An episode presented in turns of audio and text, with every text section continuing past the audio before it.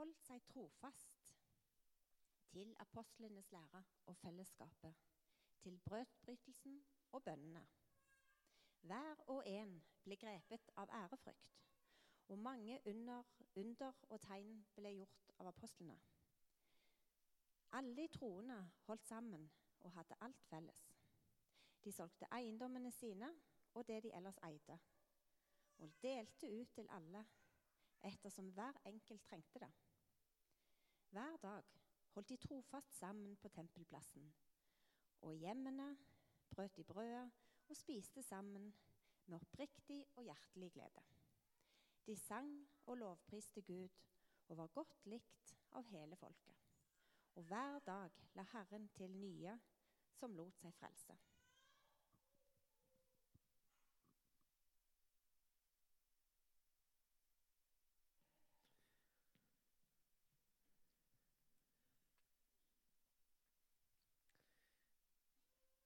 Er en, eh, en undersøkelse som Harvard, Harvard har gjort. Eller de holder på med, faktisk. En pågående undersøkelse av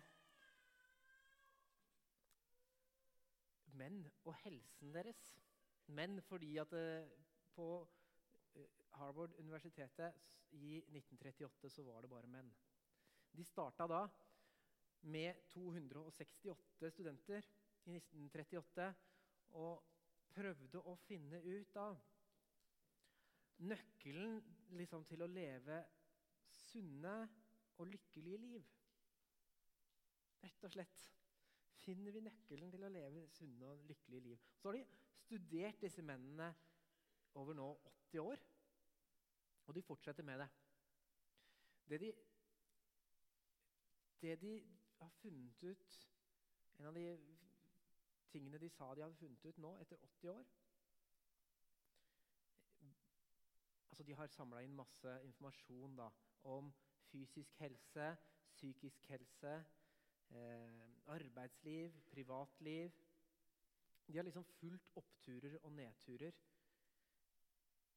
Karriere, ekteskap. Og de fleste av disse som de begynte å studere, er døde. Noen var i 90-årene da, da, de kom ut med dette, denne informasjonen her for et par år siden. Og en av de viktigste funnene de har funnet ut, det er at relasjonene våre og hvor fornøyd vi er med dem, har alt å si for helsen vår. Rett og slett helt sånn fysisk. Eh, det er en som sier at det er viktig å ta vare på helsen, men det er også en form for selvpleie å pleie forholdet til de rundt deg. Det tror jeg er åpenbaringen ved denne undersøkelsen, sa han lederen for studiet. Nå vet jeg ikke om det er noen som er altså Nå vil jeg kanskje vite noen som er Er det noen som er 50 år her? 50, ja? 50? 50, ja. Bra. Eh, for, mellom 45 og 50. Har noen hender der? Ja, ja. Veldig bra. Fordi at det, De som var fornøy, mest fornøyd med relasjonene sine da de var 50 år, var de som hadde best helse da de ble 80. Tenk på den. Altså, Dere som er 45, har fortsatt fem år på dere. Hvis dere skal liksom Må rette opp i relasjoner. Eh, de som var mest fornøyd med relasjonene sine da de var 50, hadde best helse da de, 80, da de ble 80. Så nære relasjoner, mer enn rikdom eller berømmelse, er det som holder folk lykkelige gjennom livet. Og så er det også en bedre indikasjon på hvor lenge du kommer til å leve. Det er ganske spesielt. Altså, det henger sammen med hvor lenge du kommer til å leve. Og til og med gener er underordnet.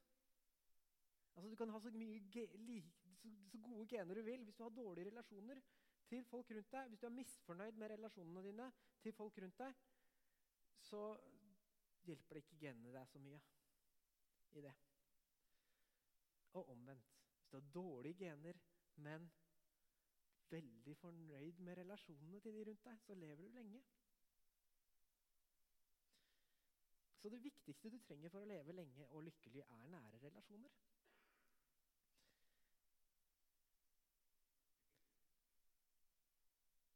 Det, nære relasjoner er kanskje noe av det vi skal snakke om i dag. Bygge fellesskap var liksom tittelen. Å bygge fellesskap er det vel strengt tatt. For det er noe vi Noe som er et, altså, Jo mer jeg har lest liksom, litt rundt dette her til denne brekken, jo mer tenker jeg at det er noe av det viktigste vi kan gjøre som mennesker, og også som kristne. Å bygge gode, nære relasjoner. Og, og, med nære relasjoner så tenker jeg jo Der er det jo litt spenn, ikke sant? Eh, noen tenker at de næreste relasjonene er bare, altså bare til kona eller til mannen. Eh, andre har med også nære relasjoner til eh, familien, kan snakke om alt til, med familien. Andre har mange venner som de kan snakke med alt om. Eh, sånn, er vi, sånn, er vi, litt forskjellige.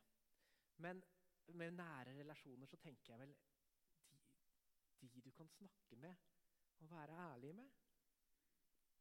De du føler at du kan være deg selv med. Og også kanskje åpne opp om personlige ting. Altså om hva du tenker om eller, problemer du har, eller Eller gleder, for den saks skyld. Så bygge fellesskap, bygge nære relasjoner, i dette tilfellet skal snakke mer om, om storfellesskapet her i menigheten neste gang. Og hvordan vi inviterer inn nye i storfellesskapet vårt. Men nå først skal det handle om deg og din trivsel, egentlig, i dag. Kjenn etter. Hvordan trives du med dine relasjoner? Jeg skal tilbake til den teksten som vi hørte.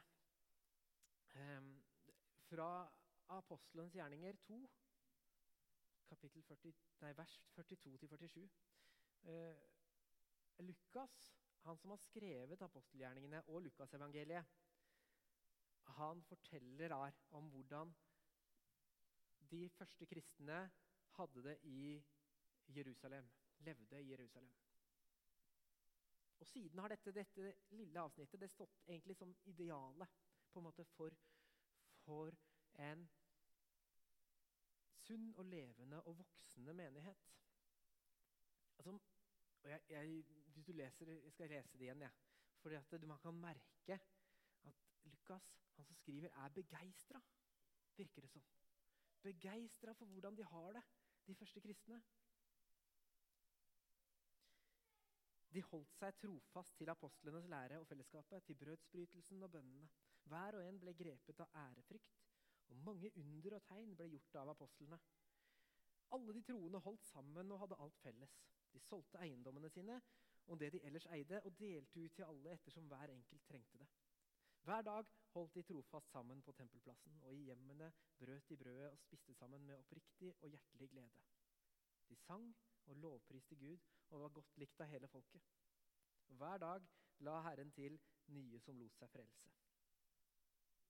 Hva blir Lukas så begeistra for? Når jeg leser dette her, så tenker jeg at eh, altså Noen ganger så tenker jeg at han tegner et litt sånn Nesten litt for perfekt bilde av de første kristne. Og kan tenke at det noen ganger er nesten litt klamt. Det er bare så perfekt, ikke sant? det var masse gode ord om fellesskapet de hadde. Eh, hver dag holdt de trofast sammen. Altså hver dag. Spiste sammen med oppriktig og hjertelig glede. Var godt likt av hele folket. Det er også suksess, det. De solgte eiendommene og det de ellers eide, og delte ut til alle.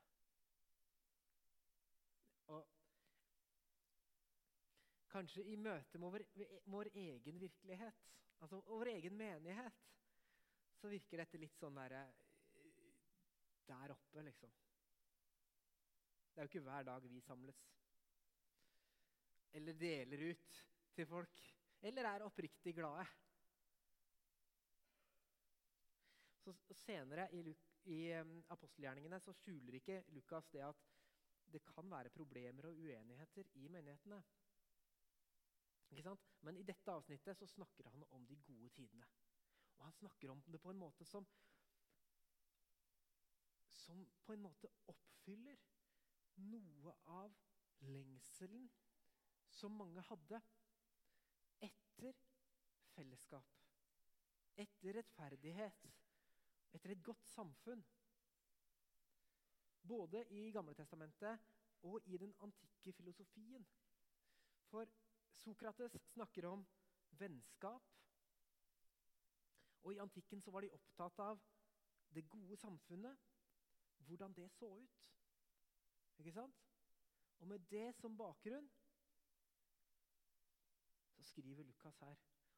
Og Gamletestamentet også. Det er lett å se at de første kristne Det de hadde sammen, det gjenspeilet det samfunnet som Gud i Gamletestamentet lengter etter å se etablert i Israel. Så det er Lukas skriver med dette i bakhodet at dette er på en måte oppfyllelsen av Gamletestamentet og filosofiens idealer om samfunnet, ikke sant? Så det tror jeg gjør Lukas begeistret. Her har jeg funnet noe ekte. ikke sant? Noe genuint. Fellesskap og glede. Og folk elsker det. Her skjer det som filosofene og Det gamle testamentet har snakket om i lang tid. Her skjer det! This is it! Og så skriver han om det. Når vi snakker om fellesskap i menigheten, så tenker jeg vi kan ha forskjellige bilder på hva slags fellesskap vi snakker om. Et bilde som brukes i Bibelen, er jo i, Paulus skriver i 1. Eh, Korinterbrev, kapittel 12, om kroppen at vi er Kristi kropp. Så sammen så, så er vi Kristi kropp. Eh, det er på en måte det familiebildet. Vi er knyttet sammen på godt og vondt. Vi er en familie ikke sant? i menigheten. Og i Jesus, i det at vi er Kristi kropp, så blir vi knyttet sammen. Og i dåpen ikke sant? så blir man innlemmet i den i familien. Og så er det sånn at Du velger jo ikke familien din. Familien din er der, på godt og vondt. Vennene dine velger du, men familien din den må du forholde deg til. Og Sånn er det også med menigheten. ikke sant? Vi har hverandre, vi er familie, og vi hører sammen. Og på godt og vondt. Ikke sant? Og så har du et annet bilde. Det er det familiebildet som, som jo knytter oss sammen i Jesus. Uavhengig av oss, egentlig. Og så har du skrittet videre. Engasjement for hverandre, tenkte jeg å kalle det. Engasjement for hverandre konstituerer på en måte også et fellesskap. Eh, mange vil nok, i, også her i menigheten, vil nok ikke være fornøyd med å bare gå på gudstjeneste. Eh, men for dere som er det, dere som er fornøyd med å gå på gudstjeneste, kanskje annenhver søndag, siden det er G2 vi er på nå, eh, eller hver søndag hvis dere er også på G1 eh, hvis dere er fornøyd med det og ikke har noen felles, eller mindre små grupper som dere er en del av i menigheten, så tenker jeg det, er, det kan være fordi dere har mange relasjoner i menigheten. Gode relasjoner. Kanskje dere har vært her lenge. Har eh, folk som dere har kjent i alle år i menigheten. Folk dere kan snakke med.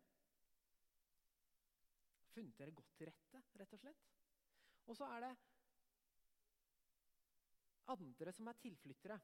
Det er mange tilflyttere her på Ålgård. Eh, og, og, mange har, kjenner ikke så mange når de kommer. Har flytta fra familie og ungdomsskolevenner eller videregående venner. Fotballvenner. Kommer hit og, og uh, prøver å orientere seg litt. Leter etter, og kanskje mange leter etter noe mer enn å snakkes i gangen på gudstjeneste, et, på kirkekaffe. Lukas, han som skrev eh, apostelgjerningene, han opplevde nok at han ble fort inkludert i miljøet. Både i storfellesskapet og når de første kristne samlet seg i hjemmene. Vi vet ikke så mye om Lukas, eh, han som skrev, eh, skrev, dette her. Men annet enn at kanskje at han var med på noen Paulus, eh, reise, misjonsreiser til Paulus. Hjalp han litt. Eh, men jeg ser på meg med Lukas en som kommer som en som kommer litt utenifra. Han var historieforteller. Han fortalte Han skrev dette her på en sånn måte som, som de andre historiefortellere skriver, his, skrev historier den gangen. Fortellinger. Så han var på en måte proff nesten altså, Kanskje man kan sammenligne det med en journalist nå. Som ikke, så, ikke som skriver sånne korte artikler, men som skriver inngående greier, historier. Tenk, Se for dere Lukas som en som kommer utenfra, som er journalist. Men han skriver litt mer dypere greier. Eh, og så vil han finne ut av dette miljøet. ikke sant? Så kommer han plutselig innafor i menighetene. Eh, og så kommer han inn, og så blir han invitert med. Så, han, så finner han seg selv plutselig sittende sammen med en liten gruppe mennesker i et hjem. Og så deler han personlige ting. Får tro på Jesus og deler personlige ting og får spørsmål om hva Jesus betyr for meg. Ikke sant? For han. Plutselig så handler det om han. Du kommer liksom innafor, og så plutselig handler spørsmålene om meg personlig. Og da tenker jeg at det er klart han blir begeistret. Det kan være det han blir begeistra for. Kommer innpå folk. Så Hvis du er en del av en mindre gruppe, så brytes isen. på en måte. Da, da må du på en måte senke, senke litt den der eh, garden, og isen brytes, og man kan snakke sammen. Og Du snakker liksom ikke bare om været ikke sant? i en mindre gruppe. Eller det er begrensa hvor lenge det går an.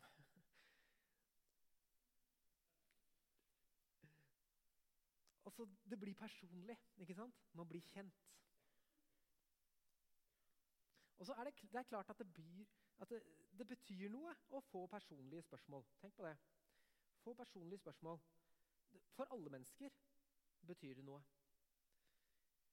Hva har du å takke for? Hva har du av utfordringer framover? Har du ting vi kan be for? Sånne ting snakket de kanskje om da, i mindre grupper. Akkurat som vi kan snakke om det i cellegrupper nå. Når vi leser om de første kristne, så ser vi at de hadde, det var mye fellesskap, gode relasjoner. Og budskapet om Jesus spredte seg mellom folk. Kristen tro spredte seg mellom folk. Så kirka, det er jo folka. Det er jo relasjoner. Så Det som synes å kjennetegne de første, de første kristne, de første kristne menighetene, det var at de skapte, klarte å skape gode relasjoner. Og mange arenaer for å bli kjent. Altså bryte den isen. Jeg hadde tenkt å, prøvd å skrive ned noen punkter. første vi kan slå fast nå, er at fellesskap er bra for oss. Fellesskap er bra for oss både for å leve lenge, som vi har hørt, og for å, fordi vi er sosiale vesener. Vi liker å bli sett og se andre. Så det derre 'jo mer vi er sammen, sammen, sammen', jo mer vi er sammen Det er faktisk sant. Sikkert til viss, et visst punkt, altså. Men, men, eh, men, det er faktisk sant. Undersøkelser viser, ikke sant? Det handler om trivsel. Så I dag så skal vi ta, ti, ta oss tid til å lytte til egne behov. Hva er det som gir trivsel? Og så vil jeg jo egentlig ha litt baktanke med dette her, med denne prekenen. Jeg vil at du skal tenke at det å være en del av et fellesskap, det er ufattelig viktig. For meg og for troen min. Og jeg er viktig for andre her. Ålgård menighet, vi ønsker å bygge relasjoner her i Ålgård menighet Vi ønsker å være en relasjonell kirke. For Gud er relasjonell. Ønsker relasjoner, altså. Og Her kommer punkt to. Fellesskap er Guds intensjon for oss. Fellesskap er Guds intensjon for oss. Det, det handler om Guds natur. Gud, nei, Gud Oddbjørn har snakket om Oddbjørn har snakket om uh, gudsbilder. Oddbjørn har snakket om gudsbilder. Og det handler om et gudsbilde. Hvem tror vi Gud er? Guds natur. Gud er relasjonell, ønsker relasjoner. Og Det starter jo også med treenigheten. Gud og Jesus og Den hellige ånd har en tett relasjon til hverandre. Og er så tette at de er hverandre. Og alt i Bibelen dreier seg om relasjoner. Til Gud og til andre mennesker.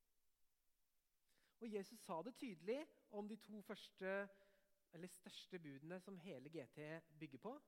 Elske Gud av hele ditt hjerte, all din kraft og hele din sjel, og de neste som deg selv. Det handler om relasjoner. Og det handler om gudsbildet. Hvem tror vi Gud er?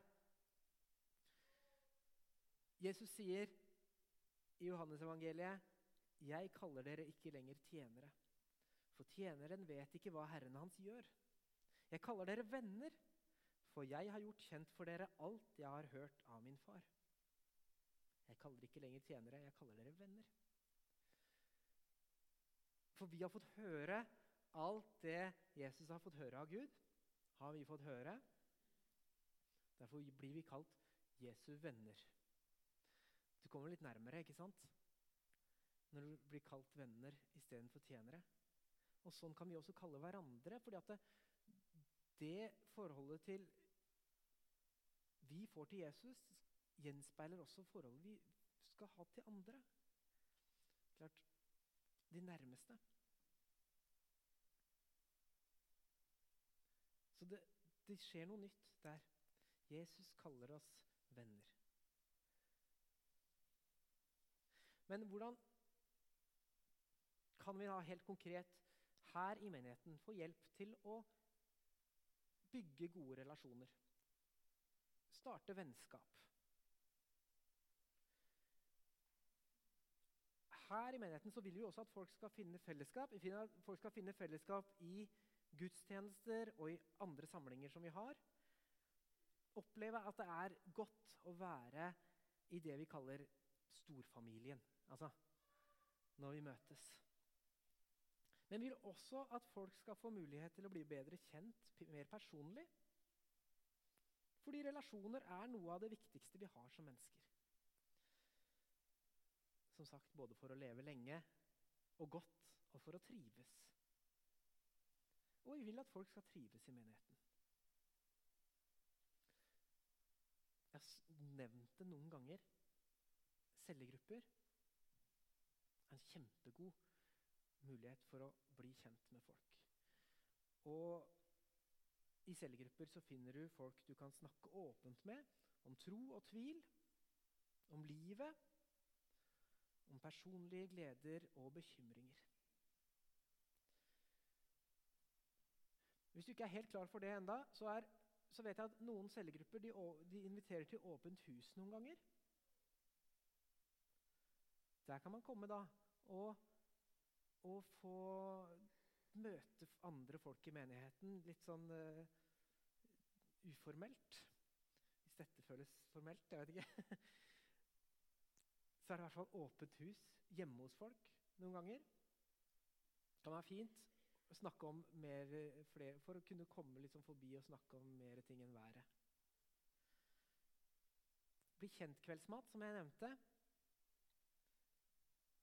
Der kommer det er for å bli kjent med menigheten. Noen kommer ganske kjapt rett inn i cellegruppe etter det. Andre trenger å bli mer kjent. Har vi, Da har vi åpen gruppekveld, åpen smågruppekveld, hvor det er eh, ek eksempel på hvordan, eh, være, hvordan uh, gjennomføre en cellegruppekveld. Så blir, får man liksom prøvd det også. Vi har andre ting i menigheten også som så, så klart jeg, altså, jeg tror ikke jeg skal nevne alt, men nevner noen ting.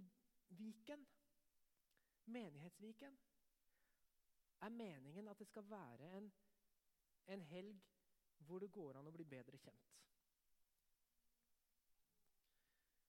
For to år siden så ble det kanskje litt stort.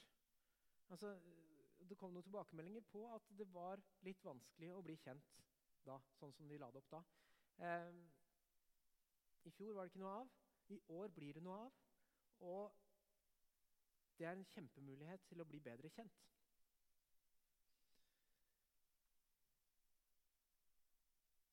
Husk på den utover uka, så skal jeg lage en sånn påmelding, sånn at eh, dere kan få melde dere på ganske kjapt. Andre grupper Vi har damenes, hvor det går an å bryte isen, snakke med folk. Andre damer, stort sett, er det vel?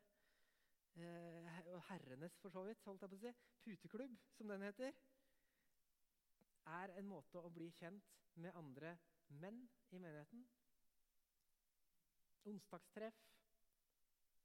Det er mange ting som skjer, som, som i større eller mindre grad legger til rette for at du kan bryte isen med folk, snakke personlig og bli kjent. Um, og så må du kjenne etter hva har jeg kapasitet til nå? Hva ønsker jeg nå? Det handler om din trivsel, dette her. Altså, ønsker jeg flere nære venner i mitt liv? Eller har jeg eh, så mange nære venner at jeg nesten ikke har styr på dem?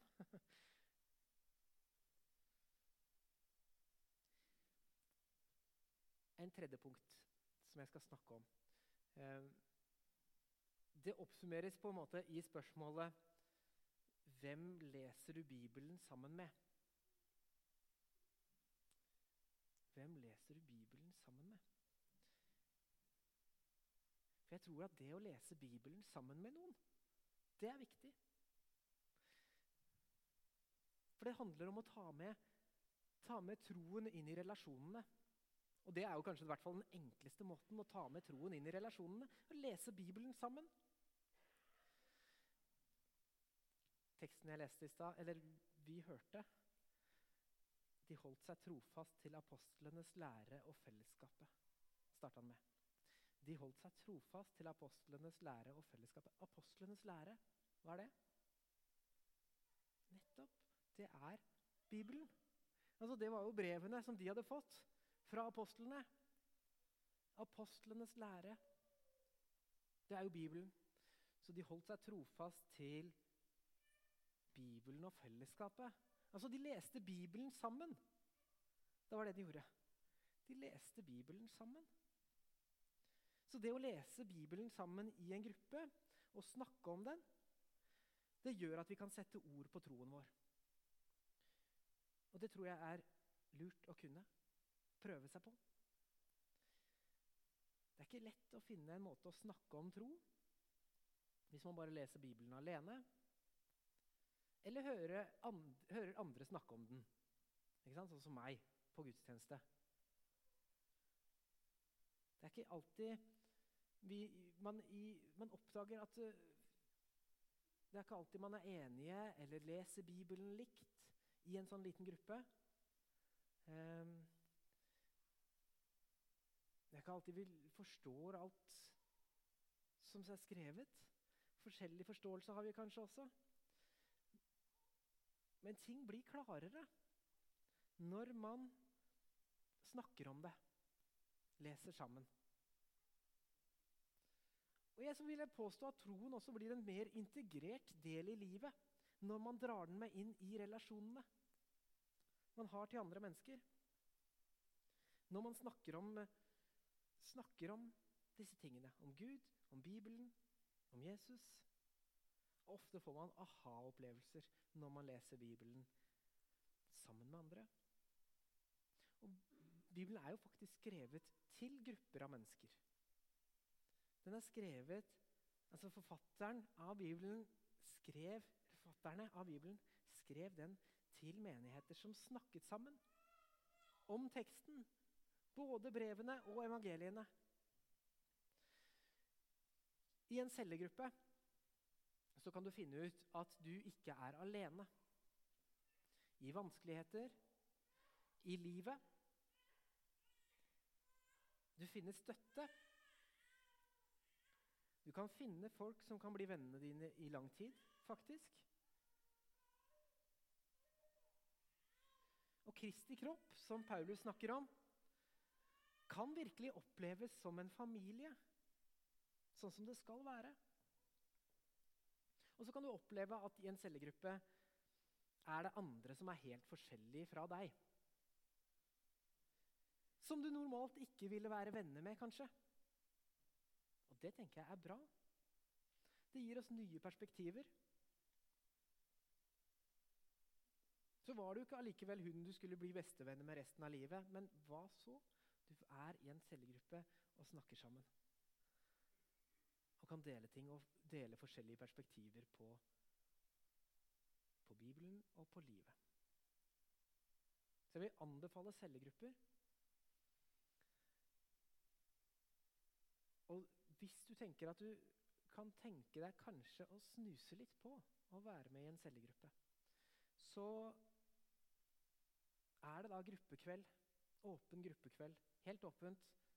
Noe Altså, du må melde deg på men du, du er ikke tvunget til å være med etterpå. 10. april.